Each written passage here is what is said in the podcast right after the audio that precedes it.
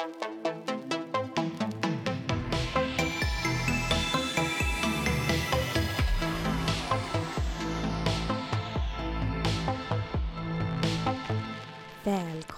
till Häxtimmen. Det här är Ebba och det här är en helt ny säsong av Häxtimmen. Säsong 4 har jag döpt den till. Eh, det kommer vara mig ni hör under den här säsongen men också massa gäster och några återkommande sådana. Bland annat Klara Norlander Wiberg som ni har träffat förut och även min kompis Sofia Edgren som ni kommer höra i det här avsnittet som ska handla om våra födelsekort i tarot. Och jag har massa spännande avsnitt på gång. Vi kommer prata om olika astrologiska placeringar som Kiron, Mars, Lilith, både som astrologisk placering och som gudinna och mytisk figur. Vi ska prata om magiska växter, tarotkort, Frankrikes mest kända spådam Marianne Lenormand, kvinnan bakom High Priestess-motivet i tarot och massa mer. Och som sagt, från och med nu så kommer Häxtimmen en gång i veckan. Jag släpper ju det här avsnittet en fredag och det är för att jag ville vänta tills nymånen i Oxen som är idag. Jag ville ha in lite ny energi efter den här rätt så tunga Merkurius retrograden och eklipssäsongen som vi nu lämnar bakom oss. I det här första avsnittet så ska vi prata om som sagt det som kallas för födelsekort i tarot. Man kan tänka att det är lite som stjärntecken eller ens livsvägstal eller så. De här korten visar våra viktigaste livsläxor, vår viktigaste utveckling i livet. Och i avsnittet har jag med mig min vän Sofia Edgren. Sofia är yogi och yogalärare. Hon är journalist, hon är författare och hon är tarotentusiast. Jag ska nämna för er att i avsnittsbeskrivningen till det här avsnittet så finns en länk till min hemsida där ni kan läsa och se hur ni själva räknar ut era egna födelsekort. Tänker att ni kanske vill veta vilka det är när ni lyssnar på det här avsnittet och på patreon.com häxtimmen där ni kan stötta arbetet med den här podden finns nu ett extra avsnitt där jag på egen hand då går igenom betydelsen av alla årskort. Det är något som vi också pratar en del om i det här avsnittet. Man har nämligen ett numerologiskt, eh, eller man räknar ut med numerologi ett kort som styr ens år som vi lever. Så att just nu har ni något tarotkort som styr ert år. Jag vill passa på också att tacka alla mina Patreon. Ni är så fantastiska och jag är så tacksam för att ni har stått, stöttat mig och podden även liksom när podden har legat lite i träda och inte kommit ut regelbundet. Så tack för det. Och nu hoppar vi direkt in i mitt och Sofias samtal. Man kan ju säga att vi lärde känna varann genom tarotkorten, absolut. absolut. Och lite genom årskort. Ja. Nu ska vi ju kanske framförallt då prata om födelsekort, men också lite om årskorten då. Ja. För vi träffades, du gjorde en intervju med mig för tidningen L och då tog jag fram ditt årskort för det, året ja. 20...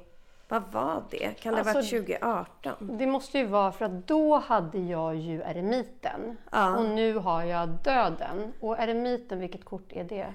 Det är nummer 9 ja. och döden är 13. Så fyra, fyra år, år sedan. sedan. Jag tror att det var lite senare du tog fram mitt årskort än intervjun, nu när jag tänker efter. Ah, ja, För intervjun var lite, men vi träffades ju ändå genom tarotkorten. Precis. Ja, för typ då fyra, fem år Ja, sedan säger exakt. vi. Och då skrev du en krönika också, kommer jag ihåg. För du skrev krönikor i DN. Mm. Ja. Och då så skrev du om eremiten. Ja. Och det tyckte jag ju var så himla kul. Det är ju lite så att folk kanske inte tycker att eremiten känns så jättekul om man inte vet så mycket om det. Och du är ju en väldigt social person, liksom levande person, vädur, mycket eld. Ja, det vi pratade om tidigare också, mina eldenergier. Ja, hur kändes det att få eremiten? Eh, nej men jag, som jag också då skrev i den här krönikan, det var ju när du berättade det för mig då, vilket årskort jag hade, så var jag bara så här, men gud vad tråkigt. Det var typ i januari, jag fick eremitkortet och så kände jag bara så här, jaha, ska jag bara gå in i liksom min ensamhet här nu och vara helt liksom, alena ett år och bara, det lät så icke-peppigt faktiskt. Ja. Men sen så, ju mer året led, det var, jag, det var inte så att jag dagligen gick och tänkte på det, men jag gick in i någonting som jag måste säga blev liksom livsomvälvande för mig, eller in i en, ska man säga, en fas av mitt liv som har varit väldigt bety- betydelsefull. Eh, och det var väl att jag blev lite mer introvert. Eh, men att jag någonstans började lyssna. Alltså jag kan säga att det var, dels var det en, en resa som jag gick in i en typ av läkande och också en transformation som handlade mycket om att inte socialisera på samma sätt, men faktiskt också mer lyssna till mitt inre, lyssna på mina egna behov. Och i takt med att jag gjorde det så sattes ett typ av utforskande igång Kul. av mig själv. Och då märkte jag ju mer att jag liksom, det här kan låta, man kan tolka det lite konstigt, eller lite, det kan vara lite, låta lite missvisande. Men det blev lite som att jag blev mer liksom egocentrisk i det här, men på ett positivt sätt för mig. För att jag märkte att jag tyckte att det var så spännande med liksom att gå in i mig själv. Och det där är någonting i eremiten. För mitt första år när jag, det var väl kanske tre år innan du och jag sågs då, när jag började verkligen gå in i tarot och hålla på mycket med det och sådär. Då hade jag också eremiten som årskort. Och jag hade verkligen ett år då där jag stängde in mig Ja. och bara höll på med ja, magi och tarot och sådana här saker och tyckte just att det var så himla kul. Ja, men jag tänker också det här med eremiten, man ju ofta pratar om, jag har ju skrivit en hel del om trauma och läkning, inre själslig läkning och sånt. Man pratar ju ofta om att eh, läkning är en ensam resa.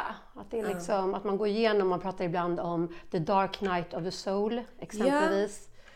Och jag ser lite eremiten, en koppling till det. Att man Vad behöver... det jag skrev? Jag bara kom... Jag höll på med The Dark Night of the Soul alldeles nyligen och nu kom jag på varför. För jag skrev eh, till mina, jag har ju papper där jag skriver ner astrologi liksom och då skrev jag om Pluto konjunktion soltransiten. Jaha. Och då, eller om det var månen faktiskt, eh, Pluto konjunktion månen. Och då ville jag liksom översätta The Dark Night of the Soul. Och då fanns det på svenska som begrepp och... Själens mörka natt. Exakt! Ja. Ja, ja, vad, vad intressant. Det är alltid men så var när vi sitter och pratar ja, också. Ja, det var så lustigt att det kom upp för det var bara om typ två dagar sedan som jag satt och skrev om det här. Mm, ja, kul. Men, nej, men den är, jag tycker att det är jättespännande och just det här att man för att lära känna sig själv och eh, kanske ändra riktning och känna in vad man behöver och sånt. Då kanske man, för jag har varit extremt social i mitt liv. Men det där blev liksom en, någon typ av vändning i mitt liv där jag liksom mer blev lyhörd inför mig själv och så. Och så att i slutet av det året så var jag ju bara så här, åh gud jag älskar eremit, jag tyckte det var fantastiskt. Så från att jag var liksom så här, äh, fy fasiken vad tråkigt, en gammal enuk typ. Ja. Som liksom, för det är ju inte så, det, är inte, det har ingenting med, alltså det är ju, det är klart att jag har träffade människor och så. Men Ja. det blev en, efter det så hörde jag av mig till dig typ varje, Ah. liksom, och var så här, vilket är mitt årskort nu? Och, och sen då, fyra år tillbaka, så har jag haft olika årskort och varenda kort har varit jag kan se att det har, det har varit saker som har liksom hängt ihop med kortet. Ja, det är väldigt sätt. spännande. Det kan jag säga att jag... Du har ju verkligen gått igenom den resan. Och jag tycker också eh, att det är väldigt tydligt i vilka kort man har, alltså vad som sker. Men för det tar, vi ju, tar ju oss lite in på dagens ämne, eller man ska säga. För du har ju döden i år som årskort. Ja. Och döden är då ett av dina födelsekort. Ja. För vi har, vi ska återkomma till hur du upplever döden, men det är så att vi har två kort, de flesta. En kombination har tre kort, men de flesta har två stycken tarotkort som är, kallas för födelsekort. De här korten visar vår viktigaste utveckling, våra viktigaste utmaningar, och de hänger ihop med det som kallas för livsvägstal.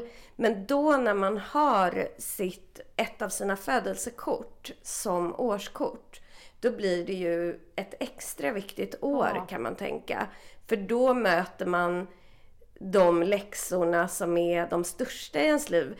Varje kort i den stora arkanan innehåller ju en typ av livsläxa. Alltså livsläxa. någonting du behöver möta, gå igenom, klura ut under din livstid. Och då har vi i de här två korten det som är allra viktigast för dig. Så när det är ett år präglat av det kortet så blir det liksom ett år som troligtvis är viktigt på något plan. Ska jag förklara lite grann kanske här vad det är vi pratar om? Får se hur tydligt det blir. Men vi har alltså, numerologi är ju siffror och liksom olika, olika tal innehåller olika energi och sådär. Och tarot bygger ju ganska mycket på numerologi. Och i numerologi så jobbar vi med ental. Så vi har liksom siffran 1 till 9 egentligen. Och sen så blir 10 blir en etta, 11 blir en tvåa, 12 blir en trea. Man alltså, tar isär dem och plussar ihop dem så man hela tiden kommer tillbaka till entalet. Så att i tarot, i den stora arkanan där vi har 22 stycken kort. Vi förhåller oss liksom till siffrorna 1 och 9 när vi tittar på våra födelsekort. Men alla har ju två födelsekort. Och då Sofia, mm. du har ju siffran 4 som är ditt livsvägstal. Och då har du alltså kort nummer 4, kejsaren, och kort nummer 13, döden. För att döden är kejsarens spegling kan man säga eftersom det är 13, det är 1 plus 3 är lika med 4. Mm. Vilket är också mitt lyckotal. Ja, det är och väldigt det visste roligt. jag inte. Jag hade ingen ja. aning om att jag hade det. Det fick jag reda på här och nu. 4 är mitt lyckotal och 20. Men 4, ja. Ja, det är lustigt otroligt. att du har dragits till det talet. Ja. Men och jag ska säga till er som lyssnar och vill ha er, reda på er eget eh, sånt här födelsetal och vad ni har för årskort. Det är ganska lätt att räkna ut. Man delar sitt, eh, alltså det datum man är född. Så att om man är född eh, 2 oktober 1989. Då tar man 2 plus 10 som är oktober plus 1989 och då får man fram en siffra och då delar man det här tills man har ett ental. Om man tycker det här låter knepigt kan man gå in på min hemsida. Ja, det finns en länk till det här i avsnittsbeskrivningen men det är Tarot Gary gari.com och så går man in på tarot så kan man hitta både hur man räknar ut det här och vad de olika kombinationerna betyder. Så att det finns alltså sådana här par då som man kan ha och de här paren speglar ju varandra. Hur många kombinationer är det? Det är en, två, tre. Ja men det är ju såklart, eh, eh, förlåt, det är ju 22 kort. Precis, det blir nio par. Men sen så finns det några variationer. Alltså man kan ha High Priestess och Justice eller High Priestess och Judgment. Mm -hmm. Och man kan även ha Kejsarinnan och Hanged Man eller Kejsarinnan och Världen. Så att det är lite så här... Eh, men du Sofia har ju fyra där vi har kejsaren och döden. Mm. Och det kanske är sånt här som folk tycker är lite jobbigt typ när de får reda på att man har döden. Jag tycker det är en ganska cool kombination. Vi ska prata mer om den. Men, eh, men det är ju inget egentligen man behöver vara rädd för. Jag minns faktiskt när du fick reda på det här. Det var när du gick en... Jag bjöd dig på en kurs hos mig. Ja. Vi satt i en källare. Precis, ja. och att jag hade, och då minns jag inte om jag fick reda på att vi pratade så mycket om The Emperor. Vi pratade mest om, det kanske var att jag bara hookade tag i döden så mycket. För att det känns som att döden som kort mm. har följt mig under äh. hela min tarotresa. Vilket ju var lite i början, att det kändes liksom lite skrämmande och så. Men nu har jag ju snarare börjat omfamna det. Om jag själv drar tarotkort och sånt, då är det ganska ofta jag får upp döden. Mm. Jag tror jag aldrig har fått upp The Emperor. Det är liksom ett kort, man har ju olika relationer till korten, eller jag har det. Ja, verkligen. Och det är så här, The Emperor, jag får aldrig upp det. Men jag tänker att det är också det, när jag, när jag läste på lite om det nu innan, för jag kände bara det här är ett kort som jag liksom, The Emperor känner jag mig lite liksom ja. bekant med, men The Emperor kände jag bara, gud det är nästan som att jag har så här motat bort det kortet. Ja men det har jag också, det har faktiskt varit mitt när jag började lägga tarot, jag hade så jäkla svårt för det kortet. Ja. Så varje gång jag kom dit, alltså du vet om jag skrev om tarot eller gjorde något så blev det alltid att jag fastnade där och ofta typ hoppade över det. Men det har jag förändrat. Men jag hade en sån låsning kring ja. det kortet. Men säger inte det också någonting om att det är kanske just därför också att man behöver då möta det? Exakt, det är ju det, det, som är grejen. Ja, ja att, att, man behöver liksom dyka in i det. För jag tänker spontant, vi kan ju återkomma till vad de står för, men ja. att det är en väldigt maskulin och manlig energi i det. Det är det ju. Och jag har ju problem med maskulina energier, höll jag på att säga. Nej, men jag, jag tror att det är det, att jag känner mig väldigt, liksom, väldigt feminin i mycket energier och jag har liksom ja, haft lite svårt med maskulina energier överhuvudtaget. Det kanske är många som har. Men, eh, ja, och den, är inte så, den presenteras inte heller så kul Nej. i The Emperor. För det fin- alltså jag har också problem med maskulin energi, men det finns ju ändå maskulin energi som liksom framstår trevligare. Ja. Som magikern till exempel ja, innehåller ju också den här. Men The Emperor står ju mycket för såna här grejer som man står för mer saker. Men det står bland annat för så här ordning och reda, lagar, institutioner, alltså allt från ett stort företag till Skatteverket till polisen. Jag lämnade alltså, in min deklaration idag. Ja, exakt. Ja. Eh, ja. Eh, det är kanske inte det man eh, så här, älskar, den energin. Och plus att du och jag är ju båda sådana som kanske har jobbat mycket frilans, mm. inte velat ha en chef. Alltså, Nej, för att det är också det Emperor Det är auktoritet. Mm. Ja. Exakt. Auktoritär man. Ja, men en sak jag bara kom på nu som är lite rolig. För att jag har ju, jag har ju nummer åtta. Så mina födelsekort är styrkan och stjärnan. Men gud vilka underbara kort. Ja, de är rätt trevliga. Men jag måste säga att eh, Emperor som du har där, den är ju kopplad astrologiskt till väduren. Oh. Och mina kort är faktiskt, för Sofia är vädurs sol och Emperor är väduren. Jag är lejonascendent och vattumans sol. och styrkan är lejonets kort och eh, vattuman, äh, stjärnan är vattumannens kort. Så både du och jag har vår egen zodiak i födelsekortet, vilket inte alls är mm. självklart. Alltså det är inget som kommer så naturligt. Liksom. Men det är så lustigt att du har, för det där är ju mina favoritkort. Ja, Dina fint. kort. Ja, det är därför ja. jag tycker så mycket om det. ja. Undermedvetet. Nej, jag har just ja. nu håller jag på att jobba jättemycket. Jag älskar stjärnan. Jag tycker ja. den är ett fantastiskt... Och strength också. Ja, ja. ja det är... Mm, det är fina kort och när Meta, du känner ju Meta som lyssnarna också vet, eh, min vän som är konstnär som jag har gjort tarotleken. Hon har ju målat den. Vi gjorde den tillsammans genom samtal. Nu är det ju ett lejon och en kvinna här, men hon hade mig och Elfin, min hund, som liksom tanke i det. Ja. ja. det är lite roligt. Men ja, det var bara ett sidospår. För att alla kort har ju en zodiak, eh, alltså de tillhör ju en en, ett stjärntecken. Mm. Men det är inte så att man naturligt har sin, sitt eget tecken Nej. som... Men vilket, får jag bara fråga, för jag blir nyfiken, vilket stjärntecken är döden? Scorpio. Precis, Scorpio, just det. Mm. Och det har du, jag kan ju ditt horoskop lite men det kommer inte Har du något i Skorpionen? Eh, nej, det har jag inte. Jag har våg och sen har jag bara massa eldtecken. Just det. Ja. För det kan ju vara en grej som är ganska kul att kolla upp om ni kollar era födelsekort. Om man till exempel har om ni inte har solen eller månen i de här tecknen så kanske man har något annat som blir en viktig del av ens mm. person då i något av de här tecknen och korten. Alltså typ Mars eller Venus eller något sånt där.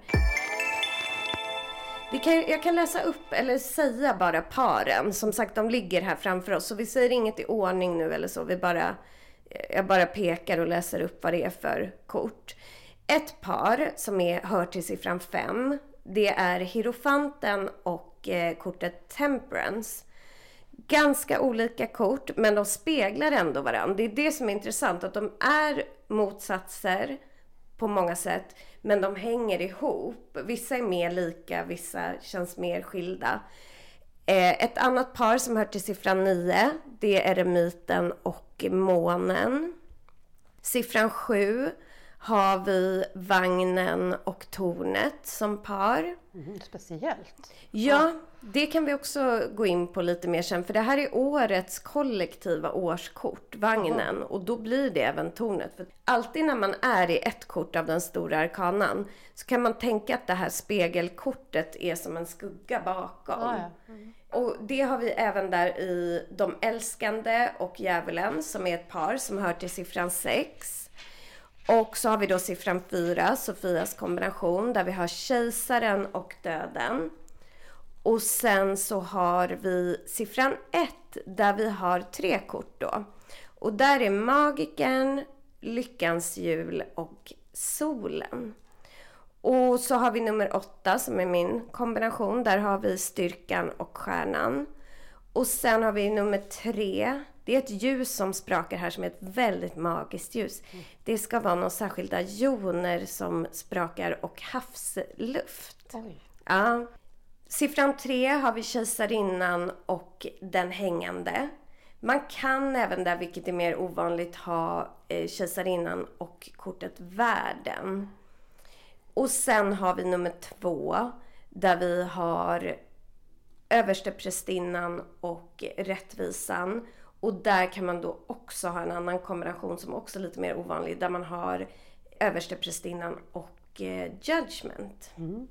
Eller yttersta domen. Så det här är de olika kombinationerna mm. vi jobbar kring. Men då, alltså en grej jag tycker är intressant som du ska få svara på vad du tycker om det här med eh, kejsaren och döden. Det är att jag ser det mycket som att det kan ske på olika sätt, men den här kontrollen som kejsaren vill uppnå. För det är ju någon typ av auktoritet, någon kontroll, vill ha någon...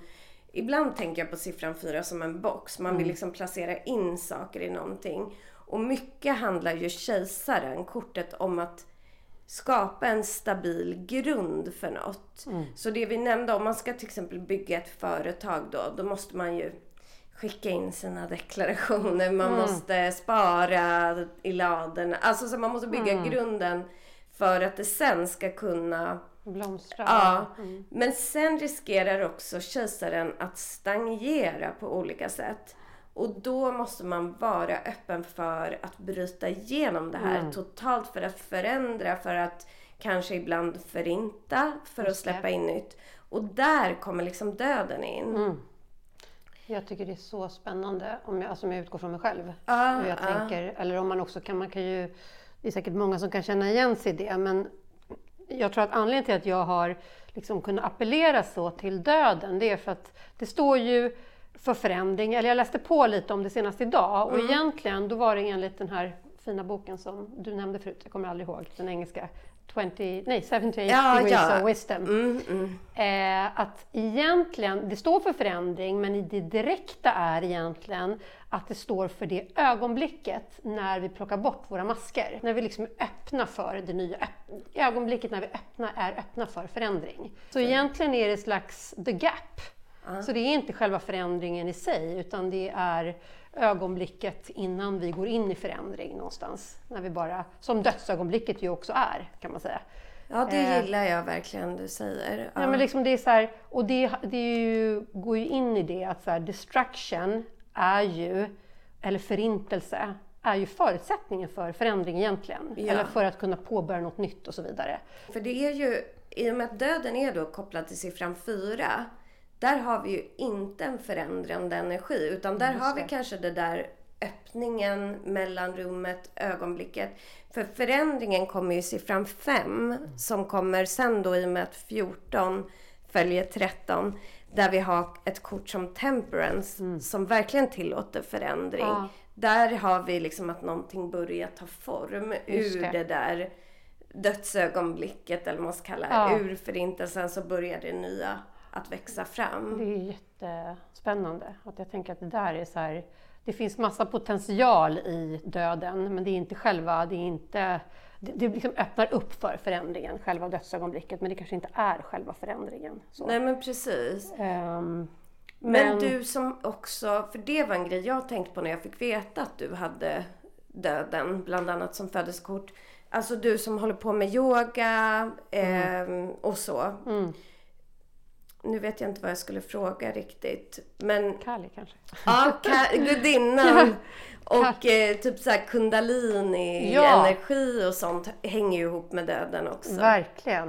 Nej, men jag tänkte, bara för att först säga, så tänkte jag mycket på att jag tror också, som jag kan känna själv kopplat till döden, det är att jag har varit en väldigt, om man också kopplar det då till kejsaren nu, att jag har hela mitt liv varit en person som har varit väldigt liksom förändlig och haft tusen olika spår och på något sätt har jag hela tiden eh, återuppfunnit mig själv på något sätt. Att jag liksom har haft väldigt mycket olika spår och sådär.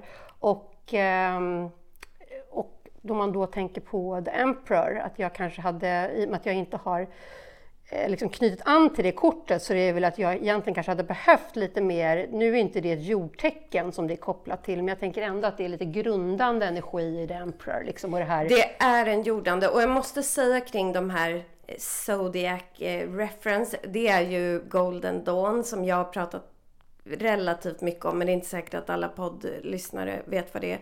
Det var ett eh, ockult sällskap i slutet av 1800-talet. Det är de som har satt de här eh, zodiac-kopplingarna. Det är de som har bestämt dem. Men ibland är de lite off kan jag tycka. Jag tycker inte att kejsaren kanske är jättemycket vädur. Såklart vissa drag men Just det. bara ha det sagt. Ja, jättespännande. Men, nej men precis, och då, nu hoppar vi fram och tillbaka lite här, men det gör ju ingenting. Men om man tänker döden Nej. kopplat till hela kundalini som jag, alltså jag undervisar inte i renodlad kundalini-yoga, men är väldigt inspirerad av eh, kundalini-energi och sånt. Och det, eh, det bygger ju också på chakran som jag pratat om i tidigare eh, avsnitt här. Ja. Men jag tänker på, som du sa om, vi pratade om Kali kom in lite på här och det är ju någonting som, det är ju dödens gudinna. ja. Eh, som är en, hon är en, eh, jag har en liten en text här om Kali för den som inte riktigt vet. Det är då den, Kali är den dödligaste formen av gudinnan Durga och en av de mäktigaste gudinnorna inom hin- hinduismen. Hon är den mest kraftfulla gudin, eh, gudinnan och representerar både skapelse och förstörelse. Men framför allt kraften till att våga förstöra för att kunna släppa in nytt. ja, det är precis det ju. Det är precis det dödskortet handlar om också, tänker jag. Verkligen. Eh, och hon ser ju, men jag vet inte om folk nu har en bild av Kali, men hon ser ju ganska obehaglig ut. Så. Hon är ju ofta avbildad, ser väldigt utmärglad, halvnaken kvinna som ser lätt galen ut. Svart i ansiktet eller en mörkblå färg.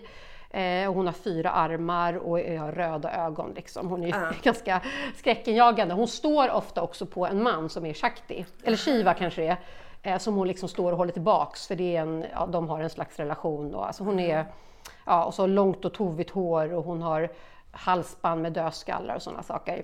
Som du har rätt här Precis, som framför. också ligger framför oss här. Ja. Och det var ju ganska intressant för att jag var nämligen i Indien precis i början av året så åkte jag till Indien nästan en månad för att fördjupa mig i yoga och så vidare. Och då hade jag ganska nyligen fått reda på att jag hade också eh, dödskortet som årskort. Så att jag var liksom, och jag har, jag har känt väldigt mycket att det, det förändring i mitt liv står för dörren. Och att jag gärna vill ha vissa förändringar. Eh, och jag är liksom peppad på det. Och så, liksom. Vi pratade ju om det sist jag satt här också, inte att vi poddade, men det här liksom känslan av ibland att man sitter fast.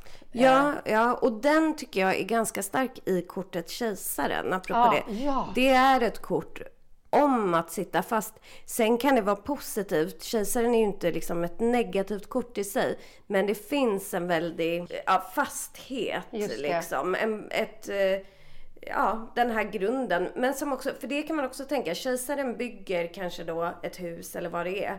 Och det blir ju tryggt. Men det är också något som håller oss Ja, fast Ja. liksom. Det är så, ja, det är så spännande. Ehm, Ja, för där måste jag tänka på dig. För du är ju en person som är, ja men du ganska liksom reser och du är i rörelse tänker man ju kring dig. Och du utmanar ju hela tiden kejsaren. För kejsaren kan ju representera, alltså om man köper en lägenhet då är man ju också fast i Verkligen. den. För man har kanske inte råd eller man kan inte bara sticka iväg. Nej. Så att all den här tryggheten i livet blir också en begränsning. verkligen.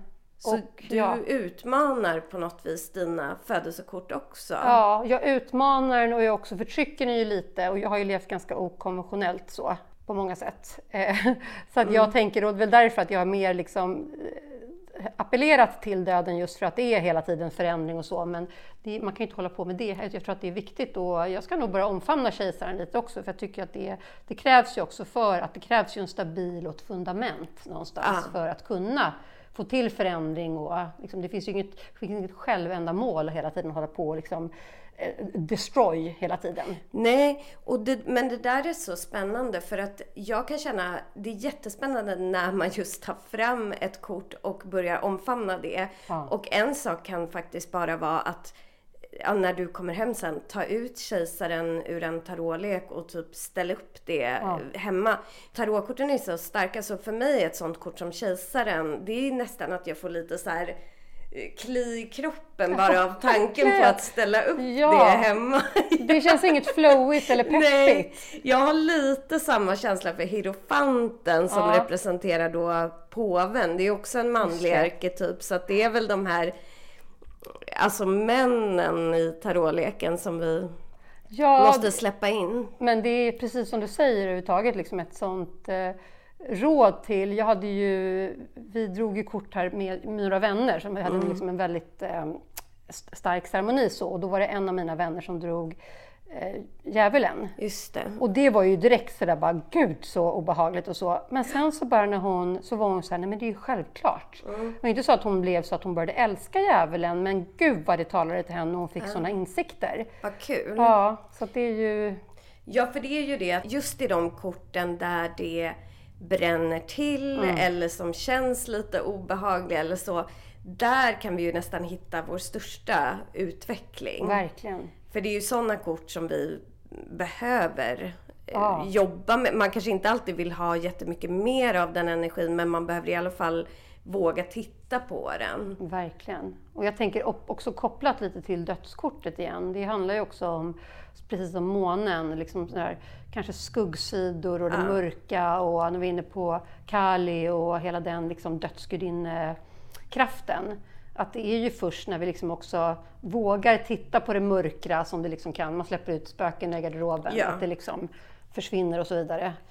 Ja, det är Eh. då det blir ljust. Det brukar jag tänka på med just månkortet. Att ibland kan man se, för det står ju lite för liksom förvirring och det är ju inte bara ett trevligt kort. Det låter ju härligt, månen, men det står ju för ganska mycket inre eh, monster och arbeten och sådär. Men jag brukar tänka lite på det som att Alltså när vi har saker i vårt inre, man tänker åh jag har gjort det där eller jag har skuld för det här eller så. När man släpper ut det i ljuset så, och ser på det, Ja. då är det inte lika läskigt längre. Alltså som när man tror man ser ett så spöke i lägenheten och så tänder man lampan så är det en, eh, ja, en tröja som ligger över Just det. soffan. Liksom. Eh, så att det är den typen av energi i månen. För på månkortet har vi ju så här vattendjur och så som dras upp ur havet Mm, ja. i ljuset så att man ska kunna titta på det. Men jag tänkte också på, med, för vi var inne lite på det här med kundalini, Mm. energin. Och den är ju som sagt kopplad mycket till Kali som är ju den liksom kvinnliga varianten av dödskortet. Om man, man kan ju tolka, det är ju lite en egen tolkning vi har här men det hänger ju ändå ihop liksom med döden. Ja, och, gud ja, det gör det ju verkligen. och då pratar man ofta inom yogan om en uråldrig metod som heter shaking, när man liksom skakar ut kundalinikraften. Och jag vet att många som jobbar med just liksom Kali-kraft, de håller på med sådana här, de bara ställer sig och liksom skakar. Och det är väldigt sådär djuriskt, släpper ut just så här sidor av oss som vi kanske inte riktigt vill, tycker om. Eller, alltså det djuriska, den är ju väldigt liksom eh, vad ska man säga, alltså den är väldigt, eh, ja, väldigt djurisk hela den så här, shakingen. Ja. Eh, och det handlar ju också än en gång om att kanske möta någonting inom sig som man inte riktigt gillar eller sånt som inte är riktigt kanske accepterat. Ja. Ja, ja. Så att, eh, jag tänker liksom, eh, dödskortet är ju det ganska konkret men då, uppenbarligen är ju även The Emperor lite så för mig. Men spännande att du ska eh, utforska Ja. kejsaren. Vi får följa det och se hur det känns. Ja. Alltså att släppa in det. Men nu när du då har, för då har ju Sofia alltså i år, för man kan, vi sa ju nu om födelsekorten, men man kan också ha då ett årskort. Och ni kan läsa också på min sajt hur man räknar ut det. Men det är också ganska enkelt för då tar man bara det födelsedatumet man har. Alltså som jag är född 22 januari. Då tar jag 22 plus 1 plus året man vill kolla. Så då tar jag alltså i år, är det 2023? Ja, det, Ja, det jag tror för sig ofta att det är 2022 fortfarande. Ja, jag trodde det var 2024. Då tar man eh, eh, 22 plus 1 januari eh, plus 2023 och så delar det tills man har ett ental. Då får man fram sitt årskort. Jag har faktiskt i år den hängande. Ja, det hade jag förra året. Ja. Ja. Det är ju, apropå mellanrum som vi pratade om, så kan jag känna att det finns något sånt i det. Att bara lite ge upp kontrollen och se vad som händer. Ja. Inte försöka kontrollera allt så här. Ge sig hän. Iaktta Ja, iaktta också. Och kanske inte styra allting utan bara stanna upp och vara. Men får jag fråga dig lite, hur tycker du att, eh, liksom, finns det något speciellt eh, sätt som man ska ta sig an liksom, årskorten? Är det då att man läser på, eller liksom, kan man läsa på för mycket, eller ska man bara känna in? Eller hur tänker du att man ska jobba med sitt årskort? Alltså jag tycker att man ska jobba med det. Sen blir det nog på lite olika sätt beroende på vilken typ av kort det är också. Såklart. För vissa kort är väldigt aktiva. Eh, vissa är mer passiva. Så det blir liksom väldigt olika sätt att jobba med dem. Som den hängande, då handlar det just kanske om att inte kontrollera så mycket utan lite se vad livet vill ta en. Men att man kanske ska, eller jag då, ska se till att lägga lite mer energi åt till exempel andligt arbete eller åt att kanske påminna mig själv om att försöka se saker ur ett annat perspektiv. Att inte allt utgår ifrån mig och vad jag vill. Men sen om man har ett sånt kort som vagnen till exempel, då blir det ju mer den här kontrollerade viljestyrkan och energin. Så då kanske man vill säga åt en person att så här, i år är det dags att satsa. Då blir det en mer aktiv påminnelse till sig själv hela tiden. Döden tänker jag att det är mycket det du gör nu, alltså när du tänker på det kortet. Men också fundera över kanske, för att döden är ju någon typ av utrensande energi. Så kanske fundera, vilka saker vill du avsluta i år? Vilka är dags att släppa Vilka taget masker om? och släppa taget? Ja. För att då lämna plats åt något Ja. nästa år. För det är ju också det här budskapet i döden att liksom, ja, vi måste rensa ut lite för att saker ska kunna blomstra. Men jag måste fråga, du, du skaffade det här halsbandet då? Ja, just det, vi, nej, men vi kom, precis. Vi, nu har vi hoppat runt lite här olika. Ja. Jo, och då var det så intressant för då kom jag ju till Indien. Det var en, jag var nere i södra Indien, i Goa. Och det var en jättejobbig resa. Så att jag kom fram sex på morgonen, jättejetlaggad men kunde ändå inte gå och lägga mig då för jag kände att jag måste liksom vara vaken nu lite grann. Så jag gick ner på stranden. Och eh, du vet, man är liksom lite i töcken nästan när man har rest så länge. Och liksom, det, var jätte, det var ju vinter hemma och det var ju helt plötsligt 35 grader. Och så låg jag där och liksom så halvslumrade. Och så helt plötsligt när jag vaknade, då stod det en man framför mig med då det här, den här kedjan runt halsen som är en kedja av dödskallar i marmor. Den är väldigt fin. Ja, den är helt fantastisk. Och jag, blev liksom, jag var nästan så här, drömmer jag eller liksom är jag vaken? Eller, Och han var ju en försäljare. Men jag kände ju bara direkt så, bara jag måste ha det. Och eh, köpte det. Senare fick jag reda på att jag betalade ett väldigt överpris för det. Det spelade inte så stor roll. Men det var så intressant för att under hela min ja, dryga tre veckor jag var där så köpte jag, det var ju ingen annan försäljare som hade någonting liksom, intressant eller någonting mm. sånt. Men det här smycket hade jag liksom upphängt i det huset jag bodde i och jag kände bara en sån styrka i det. Och sen så är det ju då Kalis. Det är ett ka Kalimata-halsband, så det är ju gudinnan eh, Kalis, är det ju hennes eh, uh kedja så att säga, det står ju för det. Och då började jag också då läsa på mer om Kali och som vi pratade om tidigare, den här kopplingen till dödskort. Och då kände jag bara, gud vad jag är liksom, står inför det här just mm. transformation eller nu är det liksom dags att bara bränna sånt som, för jag kan också känna en sån tendens att jag har, jag är väldigt liksom, kör på och sånt, men jag har också lätt att stanna i liksom ältande och fastna i mm, saker. Mm, mm. Kanske alla människor har, men jag har en extrem sån att jag liksom eh, har vissa liksom låsningar jag fastnar i. Kan vara allt från relationer till liksom, så att min, en, en sida av mig är väldigt liksom, flödande och jag håller på med, liksom, att jag flödar på, men jag har mm. också eh, problem att jag fastnar i vissa mönster. Och det kan ju vara i siffran 4 ja, och då kejsaren också. Ja, ja. Att man är, fastnar lite. Just det. Stagnering tycker jag är ett sånt nu känns du verkligen inte som en stagnerad person, men det finns den energin. Ja, liksom, jag har verkligen inte... den energin. Och ja. du tycker inte att jag är det, men det tror jag är snarare min skuggsida som jag inte... Ja, som du inte visar. Nej, så att jag har... Um, eh, så att jag, jag tycker bara, apropå det här, liksom, när vi pratade om årskorten, att mina tidigare årskort har också varit så att jag blir påmind om mina årskort på olika sätt. Liksom, mm, att det dyker mm. upp små tecken. Då, ja, men det är jättekul. Ja. Men vi kan väl prata om de andra? Ja, vi ska göra... Vi ska prata lite om ja, vilka de andra kombinationerna är och vad de säger om män. Mm. Alltså vi kan ju börja här vid siffran 1. Det är ju lite så att de här korten hänger ihop med um, någon, någon slags karmisk cykel. Mm. Det här är ju lite olika vad folk tror och sådär.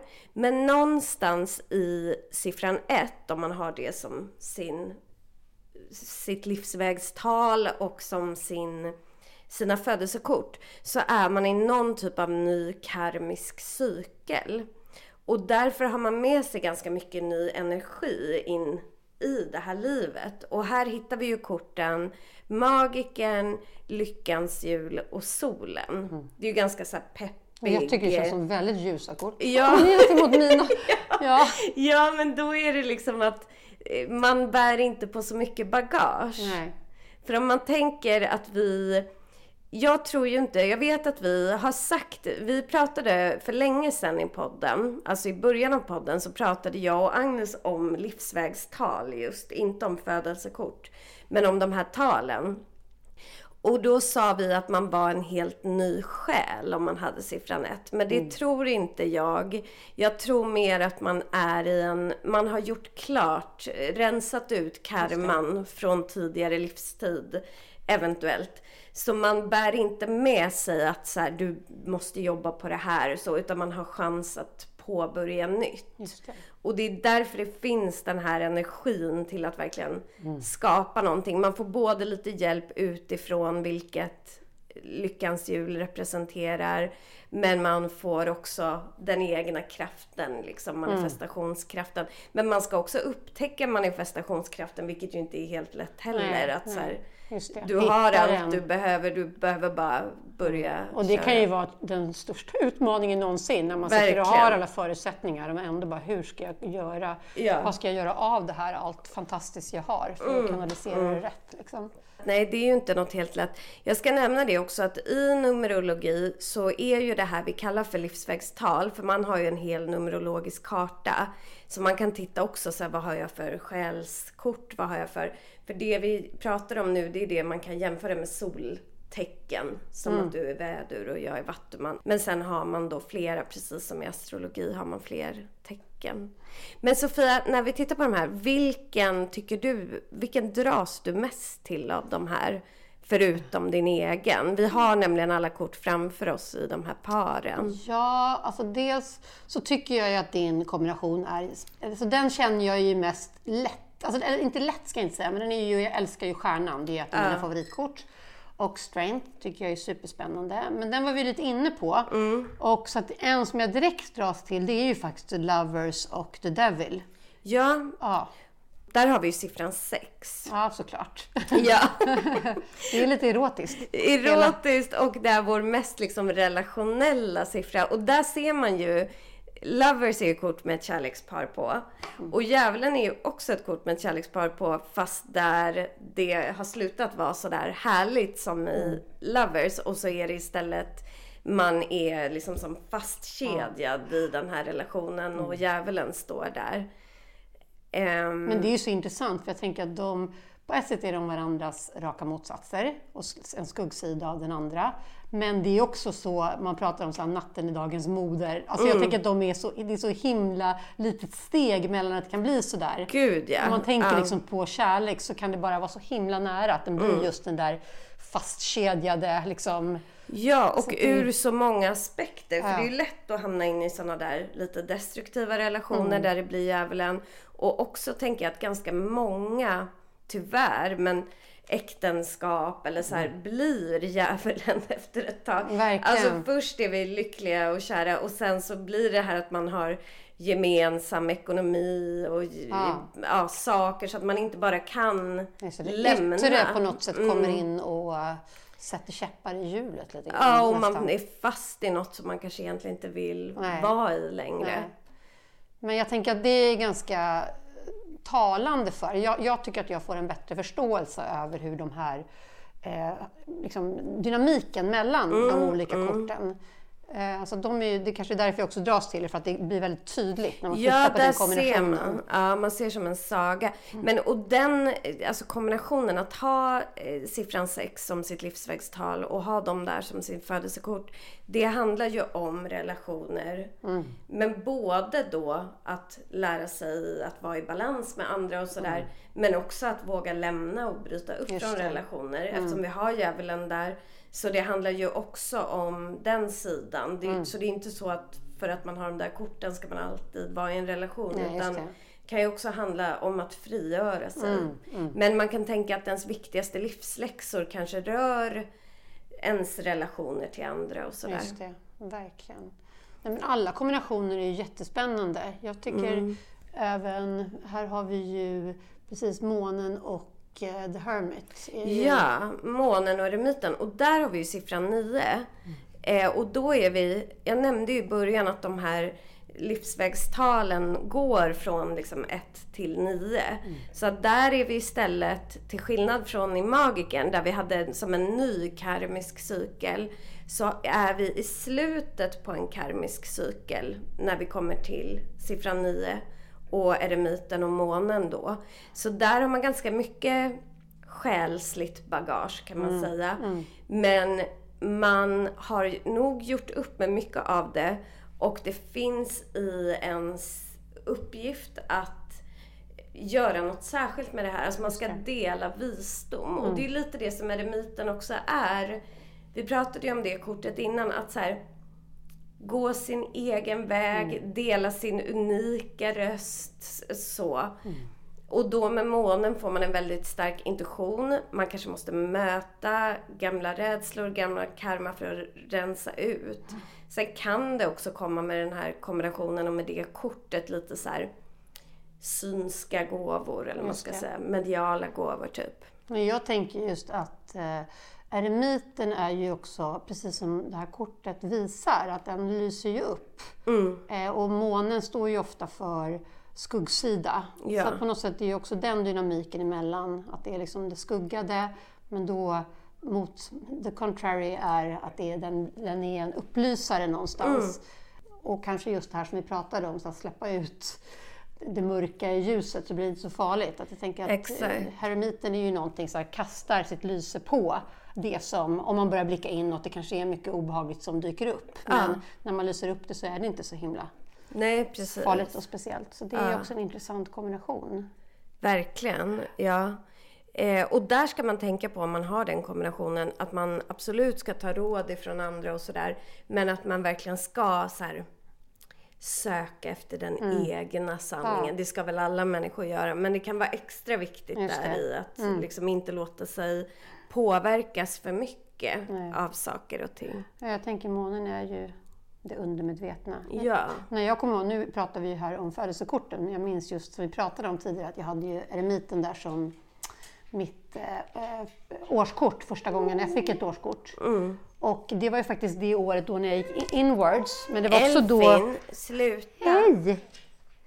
Det var då jag efter liksom, ha hållit på med yoga i 15-20 år, att jag bestämde mig att jag skulle ta min teacher training. Att jag liksom tog, så det, ah. och det handlar ju också mycket om inåtblickande. Ja, verkligen. Och, så det kan ju komma sådana liksom, komma fram till sanningar och hitta vägar. Gud ja. ja, och jag började faktiskt eh, ja, lära mig tarot och så på ett nytt sätt ju när jag hade mitt eremitår. Ja, och det har ju bidragit till verkligen inte bara ensamhet, nej, alltså så, nej, utan precis. det bidrar ju till något annat. Siffran sju här, där vi har vagnen och tornet, den är ju lite spännande i och med att det mm. är årets kollektiva årskort också. Men den här kombinationen tycker jag är lite speciell, för den ser jag ofta hos människor som man behöver inte bli rädd eller så. Det är inga trevliga har... kort tycker jag Nej. spontant. Men alltså grejen är att jag ser den ofta hos människor som har någon typ av, i alla fall någon period i livet som är ganska liksom kaosig. Mm. Men jag tycker att den är så här, Vagnen handlar ju om att ta kontroll, att eh, föra sig själv framåt, liksom hitta riktning, följa intuitionen, använda sin viljestyrka och de här bitarna. Men det som är intressant med den här kombinationen tycker jag är att liksom bakom det finns hela tiden tornet. Det finns hela tiden potential för en explosion. För vagnen är ju mycket så framgång. Man kan också se en, alltså typ en bil som kör mm. framåt. Mm. Och då är det hela tiden det här, eller om man tänker så här, för att få fram energin. Eh, om en häst springer jätte, jättefort det är någon så här, det är framåtrörelse. Mm. Men vad händer om den då kastar av dig Just eller det. ramlar? Då blir allt ja. mycket värre. Det. det är någonting Men det är ju också att ha kontrollerat. För det är ju det är en skillnad på att galoppera fram på en häst än att den bara skenar och man totalt ah, ah. liksom bara... Ja. ja man att tappar liksom, kontroll. Ja, ja. och så här, om man kör jättefort med bilen, mm. då blir olyckan mycket värre om Just den det. händer. Det är någon sån energi i det här som är Um, men tornet, jag måste bara fråga, det har ingenting med det här att göra, men är det någon, alltså är, kan tornet vara ett positivt kort? Alltså vi pratade om det här när jag hade en tarotkurs i höstas och då Alltså det kan stå för sexuell energi mm. som ju kan vara positiv kanske då. Någon jättestark ja. liksom kraft som tar över oss. Eh, så det är väl det som skulle kunna vara mm. positivt. Men sen så tror jag tornet i sig tror jag väldigt sällan upplevs som positiv. Men den kan vara positiv i förlängningen. För det är samma sak här när vi har pratat om de här boxen och kvadraturen och det här att eh, vi har ju det som du kanske har hört, jag vet inte, jag har säkert sagt det i någon kurs, att tornet är ju ett högt torn utan dörr. Mm. Så man kommer inte ut ur tornet. Här har kejsaren byggt och byggt kan vi tänka så att han har helt byggt in sig själv och verkligen inte kan komma loss. Mm. Och då blir ju tornet en typ av frigörelse. Mm. Mm. Men det är ju någonting som kommer utifrån den här mm. frigörelsen. Så det är ju inte så att man kanske då, ja jag väljer att åka på, liksom lämna det här eller ta mig ut. Utan det är snarare att så här, Man kastas ut. Ja, och då kan det vara att någon, man kanske hamnar i en separation ja. och då öppnar det upp för något annat. Men man kanske aldrig inte hade valt den från Nej. början. Men några år efter kanske man kan se att ja, men det var ändå bra. Det känns ju inte som ett harmoniskt kort. Jag tänker... Nej, det är det inte. Jag tycker, så här, jag tycker i och för sig att, som jag ser på korten, så tycker jag att man ska försöka förhålla sig till dem ganska neutralt. Alltså det är ju mm. inga positiva eller negativa värden i dem. Nej. Så att det är ju lite dumt kanske att jag säger så, jag kan fråga det. Men jag känner ju inte sån här så. värme inför tornet riktigt, som jag exempelvis kan göra inför döden. Och Nej. även den hängde, som många är ju rädd för, mm, känner inte alls mm. obehag. Men å andra sidan kanske det är att jag inte har bekantat mig heller med tornet på. Nej, men jag tror det är svårt mm. att känna. Ja. Alltså då... Eh, det är ju om man kanske typ sitter i fängelse, att man skulle känna liksom någon slags... Eh... Jag har med mig kortet! Kortet på my side. Fast å andra sidan ja. kan ju tornet liksom representera att man hamnar i fängelse ja, och den typen av grejer. Så att, nej, det, det, är ju ett svårt kort, ja. det måste man ju vara. Men om man har det som födelsekort, ska vi vara tydliga med, då betyder ju inte det att man har något dåligt med sig eller så. Det kan vara att man har en väldigt stark energi som kanske tenderar att ja. slå över ibland. Jag har faktiskt haft en intressant grej, för jag gör ju astrologiska läsningar. Och då har det varit tre tjejer, en som gick min astrokurs och sen på två läsningar, som jag tror är födda samma år och ungefär samma tid och då har samma ascendent. Mm. För då har de ett kluster av planeter i sin ascendent som är eh, Mars, Pluto och Uranus. Oj, okay. Alltså en väldigt intensiv Energi. konjunktion. Ja, ja som ja. skulle kunna vara tornet om man måste plocka Den är ju ganska krigisk tänker jag. Liksom Mars ja. liksom ganska hård energi. Ja, och Uranus står för det här som tornet visar, alltså ett blixtnedslag eller någonting så. Och Pluto är som Mars fast i gånger hundra liksom. Mm. Så det är en väldigt så explosion.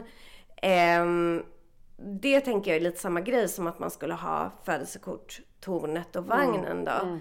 Eh, men jag ska säga att ingen av de här personerna som jag har träffat har ju haft dåliga liv eller någonting nej, sånt. Nej. Men alla de kan ju se att så här, eh, en av dem berättade att hon vet att den här energin finns i henne. Mm. Alltså att hon kan explodera men hon liksom väljer att jobba med den mm. på ett konstruktivt mm. sätt. Typ du vill så. egentligen så alla kort. Det är det alla ja. korten handlar om. Ja. Att det är så, alla kan ju gå out of balance liksom. Ja. Men, ja. Och har man, jag tänker också på, för i kortet vagnen då, där finns ju en väldig styrka och framåtrörelse. Men då kanske man är lite krigisk mm. som Mars. Man har förmågan att verkligen så här, ta sig igenom saker, kanske bygga ett, något stort liksom, och väldigt starkt för sig själv. Men man har också den här kaosiga förmågan mm. möjligen. Mm. Eller lite mer destruktiva. Så att där handlar det om att hitta balans och kanske vara lite uppmärksam på det. Just det. Eh, så så att det, det är väl lite, ja, det är lite mm. dubbel. Mm. Eh, dubbel natur.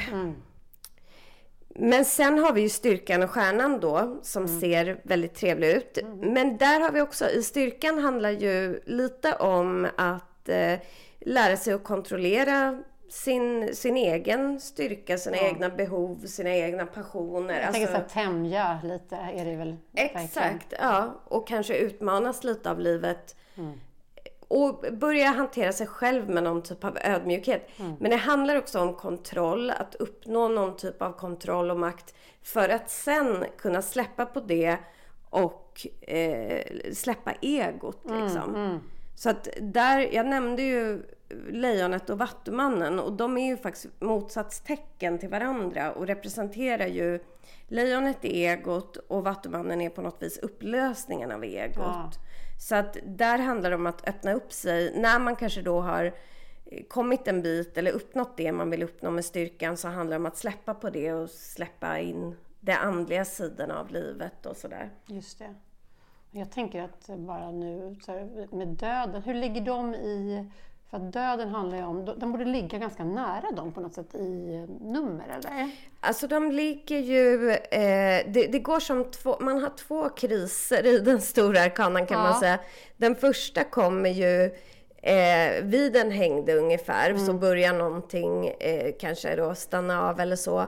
Och sen kommer döden som representerar ändå någon typ av, kan vara svårare saker. Och då hittar man den nya balansen i Temperance, nummer 14. Men sen kommer djävulen och representerar en ny kris. Och djävulen förlöses av tornet. Ah. Och efter tornet så kommer stjärnan. Mm. Och där man hittar den nya balansen. Eh, så att man kan tänka att liksom Stjärnan och temperance är ganska lika Just kort. de står i, precis. Det är lite det här nya, potentialen. Ja. Som en stjärna som tänds eller... Jag vet inte hur temperance översätts till svenska. Det är så dåligt svenskt namn. Den heter Måttfullheten. Ja. Jag Ja. tycker den, för den handlar ju mer om inspiration och läkning och konstnärskap och sådär. Läkning, alltså jag, tycker, jag kallar ju både stjärnan och temperance för healingkort. Sen är de inte bara det, men de är just den Det är här... precis så jag ser på stjärnan. Temperance är jag inte lika bekant med, men stjärnan ser jag ju verkligen som Alltså det är ett, eh, precis läkning och Mm. balans mycket. Ja. Hon står ju med en fot i vattnet och en på marken. Och det kan du se att även temperance Ja, gör. temperance gör det också. Ja, de har liksom de är samma så lika, position. alltså. ja. Och båda blandar någonting. Hon häller ju ner i vattnet men temperance blandar mellan. Hon är ju också, han, det är ju liksom, jag tänker, båda handlar ju mycket om känslor och vatten. Mm, Eh, vad man ser dem. Ja. Så, men vad skulle du säga är skillnaden då på Alltså jag skulle säga att eh, stjärnan är eh, en lite högre andlig nivå kan man tänka. Mm. I temperance är vi lite kvar. Temperance är lite så här alkemisten. Man jobbar med något på, det, kan, det är ju magiskt också, men man jobbar liksom med något, man vill skapa någonting, man vill läka, man vill... I stjärnan så kan man tänka, alltså när man har gått igenom döden så behöver man läka, man behöver kanske återfinna sig själv, vad ska jag göra i livet och sådär. När man har gått igenom tornet då har liksom allt försvunnit på något sätt.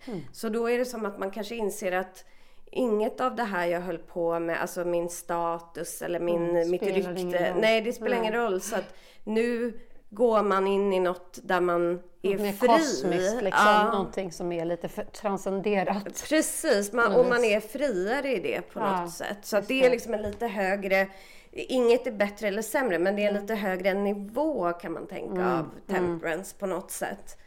Ehm, där vi, ja, och så är det ju med de här korten, alltså stjärnan, månen och solen. Där är vi liksom uppe i, ehm, Kosmos. ja, så det blir som att vi är i den andliga sfären.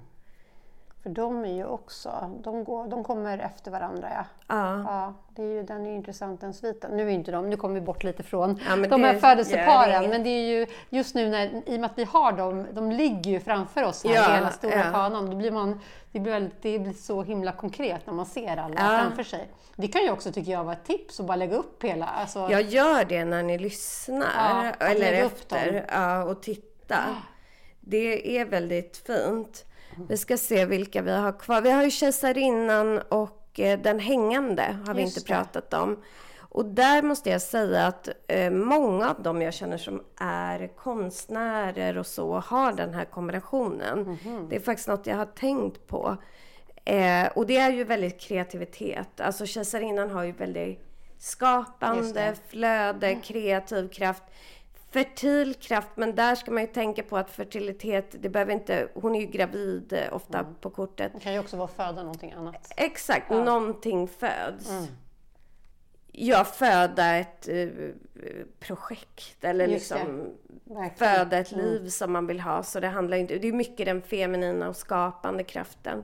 Hänger ihop med både Venus och Moder Jord, det här kortet. Och där kommer ju den hängde in, där man kanske faktiskt på något plan offrar sig för det man gör. Alltså att man, eh, man offrar sig för skapandet eller man hamnar i ett Just det. nytt perspektiv. Ja. Just det, det, det är ju typ av... Upp, det är intressant att du säger. Jag hade ju Den hängde förra året och jag, jag tror jag aldrig har jobbat så mycket. Jag har kommit ut med två böcker det här året och jag liksom satt, ju- apropå det här, så här sacrifice for, för sitt skapande någonstans. Jag har inte riktigt tänkt på det som så, men han hänger ju där frivilligt upp och ner. Det kan ju vara värt att säga igen, att det är ingen Ja, som har hängt honom så, utan det är ett, en frivillig uppoffring. Ja, det är Så. ju lite nästan yoga i det Ja, kortet. verkligen, verkligen. Ja. Men jag har ju det där kortet i år och jag kan faktiskt känna igen det du säger nu att jag har ehm, Men det känns som du verkligen lagt in en högre växel. Ja, jag har jobbat på. så mycket Ja. och gjort grejer så att jag kan känna det också att jag, man ger upp. För jag har funderat över det en del. Eh, liksom att jag kanske har, ger upp vissa grejer för arbete och så. Men jag kan också känna att jag verkligen är i den här arkanan. För att jag började på som en ny cykel när jag började med vagnen. Eh, då jag ville börja göra, rikta min energi mot att skapa någonting. Eh, alltså mer inom det jag gör idag. Elfin är lite otålig för det är egentligen middagstid men han får vänta i 20 minuter. Eh, nej Elfin, sluta. Eh, jag började med vagnen och sen styrkan kommer jag ihåg att jag gjorde. Och så är det myten. Och sen var faktiskt Lyckans jul när vi startade den här podden hade jag det kortet. Och höll på mycket. Det öppnades mycket möjligheter och sådär. Förra året Rättvisan. Och sen nu kan jag känna att då är man lite... Man är i det. Alltså jag har ju... Det är inte så att jag har gjort jätteså. Men jag har skapat en podd. Jag har skapat Ja, verkligen. kontakter med många människor och sådär. Nu är jag liksom både ett offer för det. Nu var jag offer för det jag skapat mig. ja, nej men så menar jag inte. Men ändå om du förstår. Ja, man ja, är verkligen. i det och man måste också... Innan har jag nog tänkt att jag ska göra det här, göra det här. Nu är det Mm. lite mer att jag måste se också vad det tar sin Ja. egen form. Och jag tycker det är underbart med just årskorten, att det kan också vara så här, nu är det det här fokuset, att man Ja. Mm, får en vägledning i det. Sen kan man ju välja att bara skita i det också. Men att det blir en vägledning och också att det finns, det är en cykel. Ja. Och man kan ha liksom det förhållningssättet. Jag tänker också att det är ganska yogiskt, att det Mm. är så här, nu är jag inne i den här cykeln, men sen så kommer en annan cykel ta Ja. över. Och Ja, sen kanske det här visst. upplevas igen. Jag kommer få chansen igen. Men Ja, det, gud, ja. det är liksom Ja. ingenting status, utan det rullar på. Och sen så kanske man då, nu kan jag faktiskt, som liksom att jag kände att det var jätteobehagligt att få eremiten. Jag kommer ihåg att jag tänkte också, men det är ju faktiskt bara ett år om det är så hemskt. Precis. Så himla farligt är det ju inte. Exakt, det är det man får tänka. Och jag har ju döden nästa år. Jag har också transiter som stöder det, alltså astrologiska transiter. Och då Aha. känner jag att då kanske det blir ett år när jag måste välja vissa Ja, vägar. För det. idag känner jag att jag gör Kill your darlings ganska honey. mycket. Exakt, ja. Ja. men det är det. Liksom Ja. ta bort vissa saker och rensa ut, Mm. forma om liksom. Ehm, Ja, men så att där har vi de två korten som ju är väldigt spännande också. Och sen så har vi då, de vi har inte pratat om ännu är eh, översteprästinnan och eh, eh, Justice och sen Hierofanten och Temperance. Och då har vi, alltså i High Priestess och Justice handlar också mycket om karma. Väldigt mycket om inre arbete, att hitta sin andlighet, att hitta sin intuition. Men också handlar ju det här om att hitta en viss balans i livet och att börja välja saker för sig själv. Det kan vara en viktig grej att tänka på.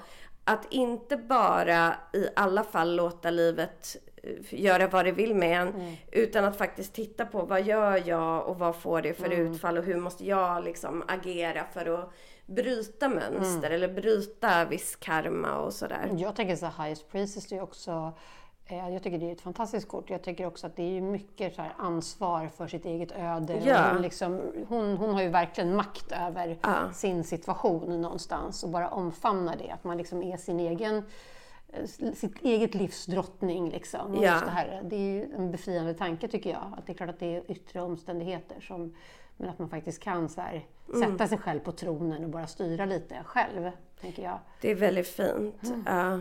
Jag gör det jättespännande. Jag, det är kul för jag, jag gör ju research på gamla ockulta personer och sådär och så gör jag avsnitt av det. Så jag ska göra fyra sådana nu i sommar i den här säsongen. Och eh, då gör jag om eh, motivet till High Priestess som levde på 1200-talet. Och det är roligt för jag började, kom på det igår, att jag ska göra om henne. Och då började jag göra research om henne igår kväll när jag skulle somna. Och då så säger jag ofta, jag gjorde det även för ett år sedan, då säger jag till någon att om jag ska göra om det här och det är rätt väg så vill jag drömma om det här i natt. Och så vaknade jag i natt så där man vaknar upp på natten och bara låg bara det här i huvudet, alltså drömde och Nej. drömde om det. Gud, så under... Eller vad Ja, och fantastiskt! drömde att jag gjorde- wake me up. Gud. Ja, ja, så att eh, det blir spännande. Mm. Men finns det någon liksom mänsklig eh, gestalt som eh, symboliserar, alltså någon motsvarighet till High Priestess i, historiskt? Alltså man tror det. Det har varit lite olika. Det finns eh, eh, som sagt, jag, det kommer bli ett helt avsnitt om det här. Men jag kan säga lite kort att från början trodde man det fanns en påve eh, för alltså nu vet jag inte när det var, typ 900-talet kanske, som kallas för Pope Joan, som klädde ut sig till man. Alltså hon var kvinna Jaha. och klädde förklädd till... Hon hade såklart inte tillåtelse att vara Nej, en och kvinnlig. hon blev, eh, an, antingen blev hon avrättad eller så dog hon i barnafödsel. Mhm. Alltså att hon födde ett barn och dog. Ja.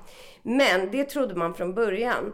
Men sen har man kommit fram till att det inte antagligen är så utan att hon troligtvis för, föreställer en eh, ja, Manfreda Visconti. Men från början är det en kvinna som det här avsnittet kommer att handla om som heter Guglielmia Guglie, Guglielmia Bohemia.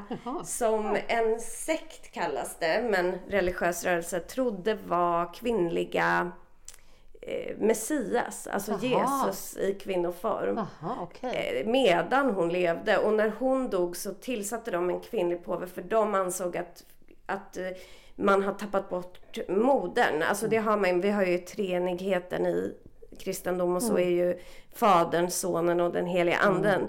Men de menar att det ska vara eh, alltså den heliga Anden, modern, Fadern. Just det. Vilket ju känns mer rimligt. Ja. Ja, så att de ville feminisera kyrkan och de tillsatte då en egen påve som heter Manfreda Visconti. Man tror att det är hon som är avmålad som High Priestess för att det var nämligen hennes släktingar som eh, beställde och skapade den första tarotkortleken som vi har bevarat. Ja, och där ser det ut som att det är en avbild av Manfreda Visconti. Aha. Och det här är ju Visconti-familjen som är en väldigt inflytelserik eh, familj i, alltså som en adlig familj Just i. Italien typ. Det här vill man ju verkligen ha Ja, så det håller jag på och skriver ett manus om. Ja, det är väldigt eh, spännande. Det är spännande att det har varit så. Man tänker på historien, ja kvinnor var förtryckta och så, men de har ju försökt. Verkligen. Alla ja. de här blev ju, eh, ja det ska jag säga bara, att Manfreda Visconti blev ju avrättad. Mm. Eh, och eh, Gugli, Guglielmia, jag får lära mig att säga det på rätt sätt. Eh, hon blev inte avrättad men man grävde upp hennes grav och brände hennes aska och brände alla hennes, eh, allt som fanns kvar efter henne. Vilket ju är jättesynd för hon var healer. Och man vill ju så gärna veta vad gjorde hon? Ja, Använde hon men örter? snacka om då att man var så otroligt rädd för Ja, hennes starka ja. krafter. Att det är på den nivån Ja, som måste gräva upp henne ur graven och liksom förgöra. Ja, Så att det säger ju, nej men det är precis som du säger, det är klart att de här, det har hela tiden funnits de här kvinnorna men de har inte skrivits in i historien. Så det är Nej. ju, Men vår sista kombo då. Här Mm. har vi faktiskt Hierofanten, Oxens kort. Vi sa innan att vi skulle prata lite om Oxen. Nu har vi inte ja, det. gjort det, men för vi har ju en nymåne i Oxen när vi släpper den här podden. Ja. Men när vi spelar in podden så är vi i Oxens säsong. Ja. Och du Sofia sa att du hade kommit in lite i Ox-vibesen. Ja, jag tycker att jag har, jag har, det var ju väduren då innan fram till 20 april eller vad det är. Och jag är ju själv vädur, det har varit väldigt eldig och nu, nu är det här väldigt kopplat till mig personligen. Men jag känner att jag har kunnat omfamna oxen faktiskt. Ja, och varit skönt. liksom grundat mig mer och liksom mer tålamodig och inte så att jag har legat på latsidan men jag tycker att jag, det är en oxenergi just nu. Ja. Och det är intressant att det finns en koppling då till det här, vårt slutliga kort. Exakt, ja. Och här har vi ju Hierofanten som är då påven, den manliga påven. Och sen så har vi Temperance. Och de här korten är också rätt intressant kombination. För att Hierofanten, det är lite som kejsaren. Det är varken liksom negativt eller positivt laddat egentligen. Utan det är ganska neutralt. Jag har ganska svårt för kortet och det beror på att det representerar ju på ett sätt då kyrkan kan man säga.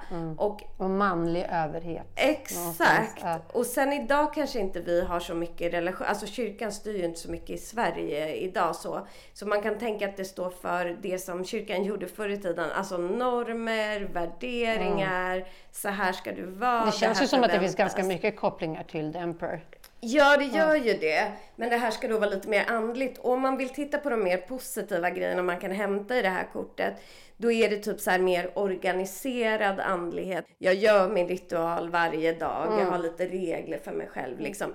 Kan också stå för studier, för mentorer, för gemenskap. Alltså den biten. Men det som jag tycker är häftigt är att i temperance så blir vi ju helt fria. Och här har vi oxen då i hierofanten som är ganska fast energi så.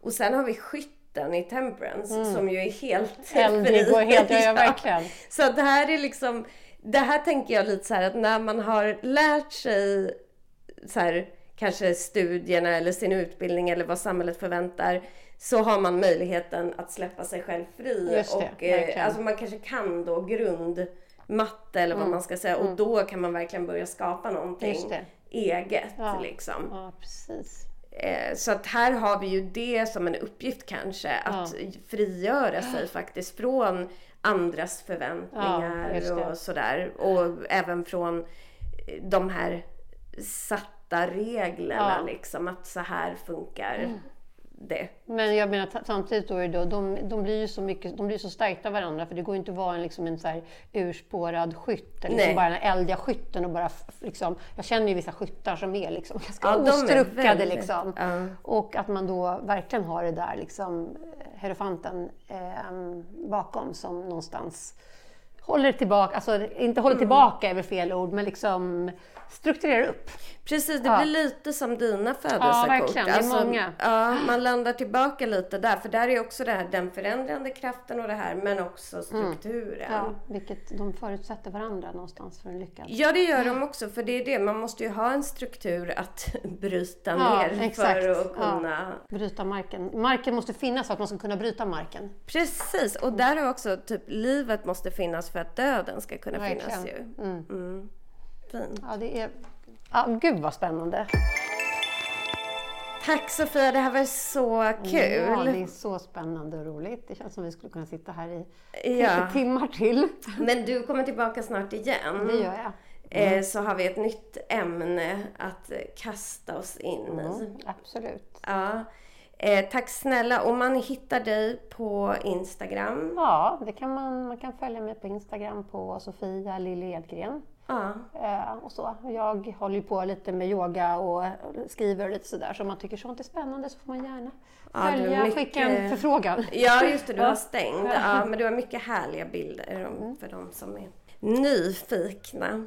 Men det var kanske det för idag. Som sagt, man kan prata hur länge som helst. Ja. Men... Så spännande och alltid så spännande att prata med dig Ebba. Ja, men detsamma. Så kul. Tack allihopa. Vi hörs snart igen. Ha en härlig nymåne. Hej då!